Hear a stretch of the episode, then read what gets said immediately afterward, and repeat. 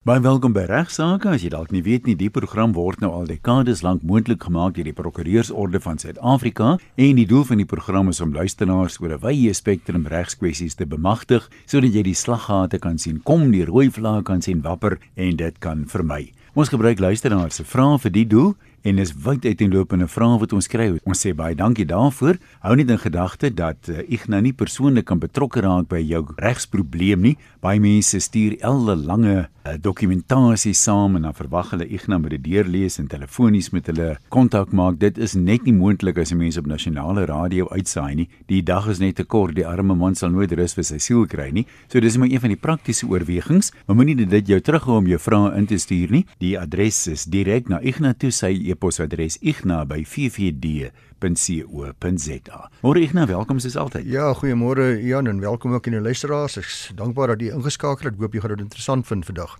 Baie interessante brief ontvang van 'n luisteraar wat handel met die behoeftes of die regte van 'n autistiese kind ten opsigte van 'n gidshond. En sy het 'n uh, lang storie vir my geskryf wat baie baie uh vir my diep geraak het.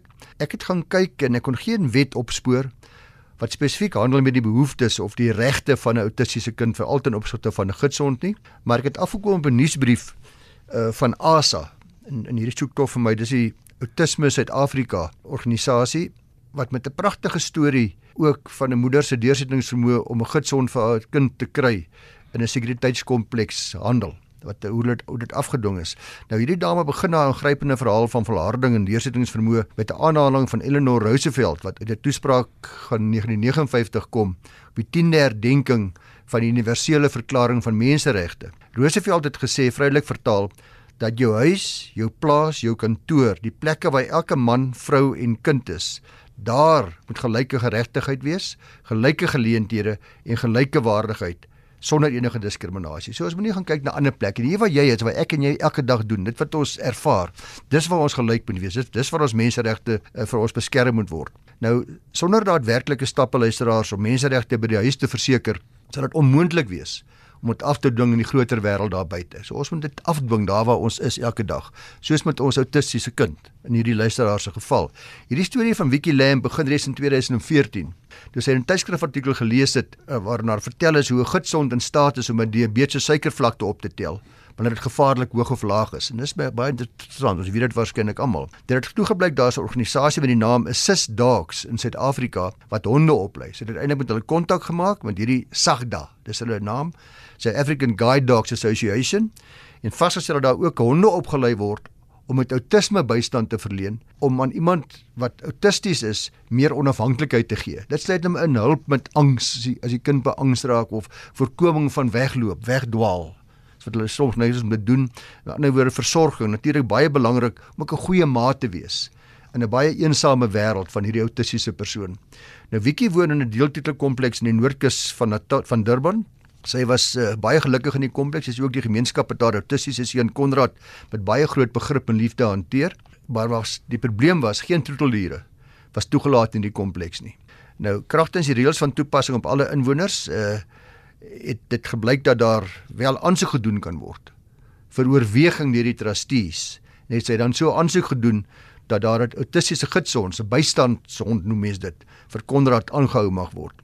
Nou tot haar skok en ontnigtering was hierdie aansoek afgekeur. Sy is meegedeel dat sy liewer moet verhuis as sy dan uh, gidsond wil hê of 'n toeteldier wil aanhou, maar in hulle kompleks gaan haar nie toeteldiere toegelaat word nie. Sy het besluit dat ter wille van haar kind en baie ander moeders wat waarskynlik dieselfde probleem het, sy dit nie net goed moet gaan aanvaar nie, uh haar billikheidsgevoel het daar gelei. Sy het geweet iewers moet iets my help. Dit kan nie wees nie. Dit dit is nie moontlik dat hierdie mense dit aan my my kind kan doen nie.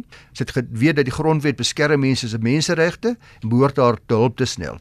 Nou 'n pleintjie vir my kollegas, baie regsgeleerdes is bereid om haar gratis by te staan. Hulle het ook beskou as 'n erge aantasting van haar en Konrad se menseregte was aansoek gedoen by die gelykheidshof in Durban, maar daardie hof het besluit dat hulle nie jurisdiksie het nie. Daar sussie, een van haar susters het 'n petisie begin. Daar was heelwat media blootstelling, uiteindelik het 'n advokaat wat ook 'n seun het wat autisties is, aangebied om haar, haar op 'n pro bono basis behulpsaam te wees. Nou alle regsadvies, luisteraars, was baie duidelik dat die hof haar gelyk sou gee en dat dit moontlik was om die beheerliggaam van die kompleks te verplig om aan haar toestemming te verleen vir so 'n gidsond, bystandshond. Intussen was daar 'n nuwe raad van trustees ingestem net voordat sy nou die hof so nader. Sy het besluit om hulle ook eers te vra wat hulle mening is. Sy het hulle aansoek gedoen, sy het hulle van 'n advokaatsopinie voorsien wat duidelik sê dat sy geregtig daarop is en dat menseregte aangetast gaan word. En hierdie nuwe raad van trustees het op advies van hulle eie prokureurs toe toestemming verleen. So ek het gedink ek moet hierdie verhaal met ons luisteraars deel want dit is 'n baie mooi verhaal van deursettingsvermoë. In haar eie woorde het sy vir haarself gesê sy sal veg tot die uiteinde van die aarde vir haar seun telkens wanneer sy regte aangetast word. Nou toe sy hierdie stukkie geskryf het, was sy nog 'n bewaglys vir 'n spesiale hond, maar vertrou ek dat intussen is daar die vreugde van 'n bystandshond uh, wat Konrad ervaar. En terloops ek stem julle hartig saam met die resadvies wat naar gegee is en na my mening, hoewel ek geen hofsaake kon opspoor nie, sal 'n hof die menseregte van so 'n kind sekerlik baie hoër ag as die reëls van 'n sekuriteitskompleks of 'n deeltitelkompleks. Indien ouers belangstel om 'n bystandshond vir hulle kind te verkry, kan hulle skakel na hierdie uh, webwerf toe. Dit is uh, www.guidedog.org .ca guidedog.org.ca Daar is ook 'n telefoonnommer wat ek gaan gee 086 0100 922 086 0100 922 as daar ook ander mense is wat meer wil uitvind om vir hulle kinders so gesond bystandshonds te verkry. Ek mens kan net dankbaar wees dat gesonde verstand uiteindelik geseëvier het want dit klink vir my maar taamlik hardvogtig van die vorige raad van trustees om botweg te ja, weier. dit is so. Dit is so. Dan het uh, ek 'n briefie gekry van uh, ek gaan hom anoniem hanteer. Sy sê op sit 'n klein dagsorg in Benoni Gauteng. Een van ons ouer pare het drie van hulle dogters in ons sorg geplaas. Een van hulle is 'n parapleeg, moet 'n voltydse sorg en die ander twee sissies is heeltemal normaal. Die, paraplegiese dogter het 'n trustfonds waar die publiek vir haar geldjies inbetaal om die ouers help met haar uh, baie duur versorging. Uh, haar pa het hierdie jaar, skus, haar skooljaar se skoolfonds vooruitbetaal, dis vir 2020. Uh maar nou is die kom die probleem. Hy het ook sy ander dogter se hele skooljaar betaal uit hierdie selfde fonds. Uit hierdie die trustfonds van die parapleeg sy sê 'n klompie ander dinge. Sy sê ek is nie gelukkig hiermee nie want volgens my is die trust slegs vir hierdie paraplegiese dogter se uitgawes, nie vir die ouers om geld anders te spandeer soos hulle goed dink nie. Sy sê hulle vorder gereeld fondse in op Facebook en besoek kerke en hou gereeld fondsinsamelings die ouers vir die kind. En dan sê sy laastens die pa wil nou hê ons hulle nou hulle is nou nie meer vriende nie, kom ek agter. Kinders gaan nou uit die skool uit, uit die sentrum dagsorgsentrum uit. Uh hy wil hê al die vooruitbetaalde trustgeld moet aan hom en sy persoonlike rekening inbetaal word nie in die trustfonds nie uh terugbetaal word nie. En uh sy sê dan uh dit beteken hy wil ook die derde kind se geld wil hy dan ook nou terug hê wat nou in sy rekening betaal moet word. Dis sou hy dan nie al sou, sou hy dan al drie sy kinders se skoolfonds uit die paraplegiese dogter se trustrekening betaal dan kry hy ook die balans terug in sy persoonlike rekening ek verwelkom hier raad nou luisteraars trust is gebonde aan die bepalinge van 'n trust akte. Daar kan geen twyfel daaroor wees nie. 'n Trust is 'n is 'n kreatuur van die papier. Maar die indruk is, ek het dit nou nie die trust akte in hierdie geval self gesien nie. Uh so kan nie spesifiek op hierdie vraag antwoord nie. Mense moet sien wat die bepalinge in hierdie trust akte spesifiek is, maar op hierdie luisteraar se weergawe moet ons aanvaar dat dit voorsiening maak net vir die paraplegiese dogter se behoeftes. En dis die basis waarop die publiek dan ook gevra word vir fondse om fondse by te dra. So ek gaan nie hierdie geval spesifiek bespreek nie, Johan, want uh, ek daar's nie genoeg feite nie. Ek wil nie uh, dit doen sonder om die trust akte te lees nie, maar in die algemeen, wat algemene beginsels betref, 'n uh, eh, trust is 'n skepping van die reg en trustees se magte is beperk tot spesifiek dit wat in die trust akte staan. Jy kan nie buite die trust akte gaan nie, handel nie. Die trust is 'n regspersoon. Dis iemand wat daar in die hoek staan wat beheer word deur die trustees. 'n Ander persoon, hy trustees mag net doen wat hulle magte en regte word uitgestipel en uitgespel in 'n trustakte. Uh dan buite daardie magte kan die meester ook versoek word om trustees af te dank as hulle dan nie hulle magte behoorlik uitoefen nie. Uh hulle kan onthef word. Trustees het dan ook fiduciêre pligte teenoor die begunstigdes. In hierdie geval dan sê hulle maar dis net 'n paraplegiese kind. Uh as hulle dit nie nakom nie, kan hulle siviel regtelik aangespreek word en soms selfs ook krimineel regtelik. So is belangrik vir ons luisteraars 'n moontlikheid, maar sy het met haar eie prokureur gaan spreek daaroor dat hy die trust akte kan ondersoek. En nou net nog 'n ding wat ek wil noem is dat as ek fondsinsameling doen, is daar baie wette regtelike reëls van toepassing voor ek kan regmatig fondse van die publiek insamel. Jy ja, jy weet wat van die fondsinsamelingsnommer ensovoorts, daar's 'n registrasie wat moet plaasvind. Uh daar's baie beheer hieroor sodat mense nie net goedsmoeds die publiek kan nader uh en ook op 'n skelm manier soms fondse insamel nie. So as ek die publiek nader onder valse voorwendsels. Aan die ander word ek vra vir my gestremde kind geld, maar ek gebruik dit uh om te, vir my te gaan uh J&B en soda koop uh, dan het ek 'n probleem want ek geld gesteel, ek het geld verduister, ek het uh, bedrog gepleeg teenoor die persone wat ek 'n uh, onder 'n valse indruk gebring het en ek kan vervolg word. Uh, as ek geld ook het iemand anders wat iemand anders toekom, daarna vir myself toeëien, dan is dit diefstal. Uh, voldoen al die vereistes van diefstal. So in hierdie geval uh, weet ek nie wat die wat of waar werklik oortredings is nie, uh, maar in 'n normale situasie waar trustees geld aanwend vir ander doeleindes of hulle eie doeleindes, sal dit in die meeste gevalle bedrog en of diefstal wees. Luisteraars, ek het nou al vir meegedeel dat van 1 Januarie 2020 is daar nou 10 dae kraamverlof ook vir die pa van die kind of dan ook eh, as dit 'n aanneming was, dieselfde as dit onder 2 jaar se aanneming was, is ook 10 dae en as daar nou byvoorbeeld 'n aanneem ouers was dan een van die ouers kry dan 10 weke en die ander een 10 dae. Maar ek het 'n bietjie gaan kyk wat in ander lande aan die gang is en dit is baie interessant geweest om te sien wat vir my interessant was en ek wil dit graag met julle net vinnig deel is dat in Finland is daar 'n regering wat oorsaaklik deur vroue gelei word. Nou nou sal jy sien wat doen vroue as hulle in regering is. Hulle het nou besluit uh, en pa sal baie bly wees om dit te hoor om die vaderskapsverlof in daardie land feitelik te verdubbel uh sodat nuwe paas nou dieselfde aftyd het as die Maas. Dis nou 'n paar dae gelede of 'n paar weke gelede aangekondig. Maar papie moenie dink dis vakansie nie. Ja. Dis vir help dan. En die belangrike ding is uh, die minister van gesondheid en uh, maatskaplike sake sê die doel met hierdie radikale hervorming is om geslagsgelykheid te bevorder en dit is my baie interessant gewees om 'n dalende geboortesyfer 'n hupstoot te gee. So lyk my hulle dink as die paas ook baie lank in hierdie geval terloops, is dit tot 7 maande verleng. Dis verskriklik, nê? Nee. Jy kry 'n maand voor die tyd en dan 6 maande na die tyd. En dis dit, nou die pa en die ma. Dit moet ook redelik druk op werkgewers plaas. Ja, want sy sê dit dit gaan groter gelykheid skep tussen ouers en die diversiteit in families en sy beweer dat in Swede en IJsland het daar soortgelyke verlengingsplase vind van vaderskapsverlof en dit het daartoe gelei dat die geboortesyfer gestyg het. En dis nou nie 'n probleem wat ons in Suid-Afrika nee, nee, het, nee, 'n te nee. lae geboortesyfer. Nee, dit is so. So ons moet dit eintlik wegvat dat dit kan afkom. Weet nie of ek moet sê gelukkig of ongelukkig nie.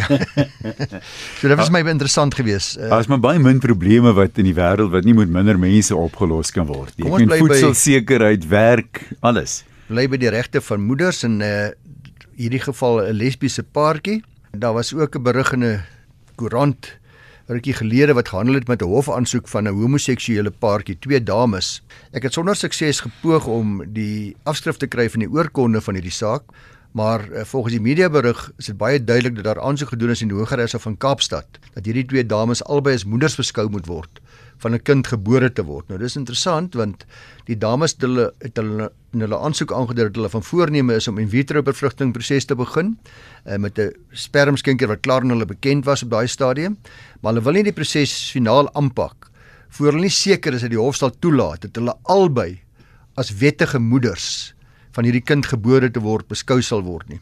Uh hulle prokureur is 'n sekere Andrew Martin van Kaapstad en hy het 'n regter op gewys dat die reg eintlik net bepaal dat 'n nie biologiese moeder kan volle ouerlike regte verkry deur of aan te neem of 'n ouer regte ooreenkoms te sluit met die biologiese moeder. So dis net die een moeder. In hierdie geval egter is daar 'n verskil, uh, want die vrou wie se eiersel gebruik sal word en wat die kind sal dra tot en met geboorte en haar verloofde wil beide ouerlike regte op ten opsigte van die kind hê. So luisteraars, duidelik die huidige wetgewing maak slegs voorsiening vir of aanneming of 'n ouer regte ooreenkoms met die biologiese ma. Net in die geval waar dit heteroseksuele paartjie is. Die hof het ons uh, meegedeel dat dit nie duidelik is of dit ook van toepassing gewees op die geval van 'n homoseksuele paartjie nie. Nou, dis duidelik dat die reg wel vir die man van die vrou wat 'n spermskenker gebruik, voorsiening maak om gelys te word as die pa se kind. Dit weet ons almal. Maar swyg die wetgewing oor selfde geslagpaartjies. Die Kaapse Hof het, en dis die interessantheid hiervan, het hierdie aansoek toegestaan, want die dame wat die kind gaan dra het en haar eerste daarin aangedui dat sy en haar verloofde reeds graag vir 4 jaar 'n kind sou wou hê. Hulle is 'n stabiele paartjie, hulle het 'n huis, finansiële is daar nie probleme nie. Hulle albei is 100% in staat om die kind om te sien net soos 'n gewone ouerpaar. Die hof versoek hom dus 'n baie insluitende 'n baie wye interpretasie van hierdie bepaling in die wet te gee en te aanvaar en die hof stem hiermee saam. Die aansoek word toegestaan. Die effek is dus luisteraars dat waar 'n selfe geslagpaartjie in die toekoms saam besluit dat hulle albei ouerlike regte en verantwoordelikhede wil aanvaar, dat albei as moeders of as vaders uh, beskou wil word vir doeleindes van die geboorteregistrasie, asook die versorging en so aan, uh, slegs dan sal die een lid van die paar wie se eiersel nie gebruik word nie en wat die kind nie dra nie, ook geregtig wees om as 'n moeder beskou te word. So albei sal as moeders beskou word wettiglik met dieselfde regte. Interessante saak vir my gewees. Dan het eh, 'n uh, goeie vraag, 'n WhatsApp belofte. Ek maak 'n belofte op WhatsApp. Is ek gebonde? Ons het nou al herhaling op hierdie program gewys dat ons in 'n era beweeg wat tegnologie ongelooflik vinnig ontwikkel. Dit is baie belangrik dat die reg natuurlik teen dieselfde tempo moet ontwikkel om voorsiening te maak vir hierdie nuwe era van media kommunikasie. Ek verwys hier veral natuurlik na sosiale media en dan natuurlik SMS'e, e-posse, WhatsApp boodskappe en al die dergelike. Die Appelhof moes onlangs hieroor beslis in 'n baie interessante saak wat die vraag moes beantwoord of 'n WhatsApp boodskap waarin 'n pa aan sy kinders elkeen 1 miljoen rand beloof het, afdwingbare kontrak daarstel. Wat blykbaar gebeur het is dat daar 'n storie deur rond te gedoen dat 'n sekere meneer Kopana die nasionale lotery gewen het. Die uit sewe kinders gehad. Die ma van een van sy sewe kinders het hom daaroor uitgevra. Hy het dit ontken en gesê nee, hy het nie die lotery gewen nie, dis nonsens. Dis nou in 'n WhatsApp boodskap wat hy dit ontken, maar ook die volgende gesê en ek haal aan. If I get 20 million rand, I can give all my children 1 million rand and I will still remain with 13 million rand. Dis nou die WhatsApp boodskap wat wat nou hmm. die onderwerp is van die hof aansoek. Skort niks met sy somme nie. Dit het later gebleik dat sy ontkenning vals was, dat hy inderdaad ongeveer 20 miljoen 800 000 gewen het met die lotto. Uh en die ma van hierdie kind, van hierdie een kind het na die hof genader om te sê dat hy belofte gemaak het om aan hierdie kind 1 miljoen rand te betaal en het dit vanaf hom geëis het as na danigheid is voog. Die Hoërhof bevind dat hierdie WhatsApp boodskap inderdaad 'n geldige en bindende ooreenkoms daarstel en bevind dat hy 1 miljoen rand moet betaal aan die moeder as voog van hierdie kind. Die saak is op appel geneem en op 2 Desember 2019 het die appelhof beslis dat hierdie WhatsApp boodskap nie 'n formele aanbod was wat by aanvaardinge of dwingbare kontrak daar sou stel nie. Die Parlement het baie mooi gaan kyk na die interpretasie van die spesifieke woorde van hierdie boodskap en sê dat die hele boodskap se inhoud suggereer baie duidelik dat die pa nooit werklik van voorneme was of 'n ware belofte gemaak het om 'n deel van sy wengeld met enigiemand te deel nie. Laat ek net weer vir julle lees. If I get 20 million rand, I can give all my children 1 million rand and remain with 30 million rand. So as ek gesê het, I will give kon dit anders storie ja, gewees het. Ja, dis reg uh die boodskap impliseer bloot dat hy moontlik op die hipotetiese veronderstelling dat hy wel die geld wen of gaan wen dat hy moontlik in die toekoms 1 miljoen rand aan elke kind kan gee. So die hof het net in interpretasie gekyk, maar belangrik is dat uh in hierdie geval het interpretasie die pa gered, maar is baie duidelik het albei howe se uitsprake dat indien dit 'n duidelike aanbod was om te betaal, die pa daaraan gebonde sou gewees het as dit deur die ma aanvaar was. So dit gaan nie oor WhatsApp spesifiek nee, nie, mondeling nee, sou dit maar dieselfde gewees het. Dit gaan oor die woorde wat gebruik ja, is. Ja, maar hier is maar net weer 'n geval van omdat ons so los en vas praat op op ons sosiale media, ja. is dit maar dieselfde as enige ander proses of dit nou op 'n e-pos is of 'n skriftelike brief of 'n bemondeling of 'n WhatsApp boodskap. So as ek kan bewys daar is 'n behoorlike aanbod gemaak, ek het dit aanvaar, dan is daar 'n geldige kontrak. Soos ek sê, mondelings dieselfde. Dikwels kan net dit deur handeling geïmpliseer word die aanvaarding ook. Dit hoef nie altyd spesifiek uh, te wees kan geïmpliseer word. 'n Goeie voorbeeld wat ek altyd noem is wanneer die man vir sy vrou 'n motor gee. En dit is nog iets wat oor en oor en oor gebeur. Mans gee vir hulle vrouens geskenke, dan kom daar 'n egskeiding of dan of 'n saamwoonverhouding verbrokkel en uh, en daar's nou 'n vraag en wie woord die motor nou? Nou gewoonlik word die motor met 'n mooi rooi stryk vasgemaak Daar's 'n bos blomme vergesel en voor die motor is daar 'n mooi boodskap. Iets soos aan my liefling, my vroutjie Doutjie Mala, weet hier's jou motor en uh, nou ja, so 'n man gaan nooit wegkom te beweer hy het nie bedoel dit was 'n geskenk. Dit is baie uitdruklik deur sy handeling en alles dat hy vir sy vrou 'n geskenk gegee het, sy het in die kar geklim en sy het dit aanvaar. Die feit dat daar registrasie in sy naam was, irrelevant geskenk want registrasie is 'n vermoede van eiendomsreg. Dis nie 'n bewys van eiendomsreg nie. So alhoewel daar geen woorde was of geen kontrak was nie, is hierdie 'n geskenkenis aanvaar. So luisteraars, wees maar versigtig ook wanneer u met sosiale media geskenke gee of dalk nie geskenke wil gee nie. En sies hulle so graag op sosiale media sê iets complicated. Ja. As jy nog 'n korterige een het, kan ons hom inpas. Ek kry 'n skrywe van 'n dame. Sy noem haarself hy noem homself belanghebbende ouer. Ek het 'n vraagie of twee oor testamente waar kinders in die buiteland woon. Dis dis daar so baie van ons kinders wat in die buiteland woon. Ek dink ek wil dit met julle deel. Ek verstaan dat hierdie tipe huweliksbevestiging in een land nie noodwendig geldig is in alle lande nie. Byvoorbeeld, huwelik buite gemeenskap goed in een land nie noodwendig geldig is in 'n ander land nie en die algemeen aanvaarde verbintenis van binne gemeenskap van goedere soms geld in verskillende lande. Wanneer een persoon huwelik dus erf, gaan dit wat geërf word in gemeenskaplike boedel volgens die wette van 'n sekere land is hulle egnoot ook by afsterwe of by helfte daarvan geregtig wees. Is daar 'n manier wat ek dit kan omseil of my kinders dit kan omseil? Sou 'n persoon in twee verskillende lande bates hê wat vererf kan word, moet daar in albei lande 'n testament opgestel word of kan een testament die verdeling ten opsigte van alle bates behartig? Indien daar slegs in een land 'n testament bestaan, uh sou bates in die ander land as intestaat geag word?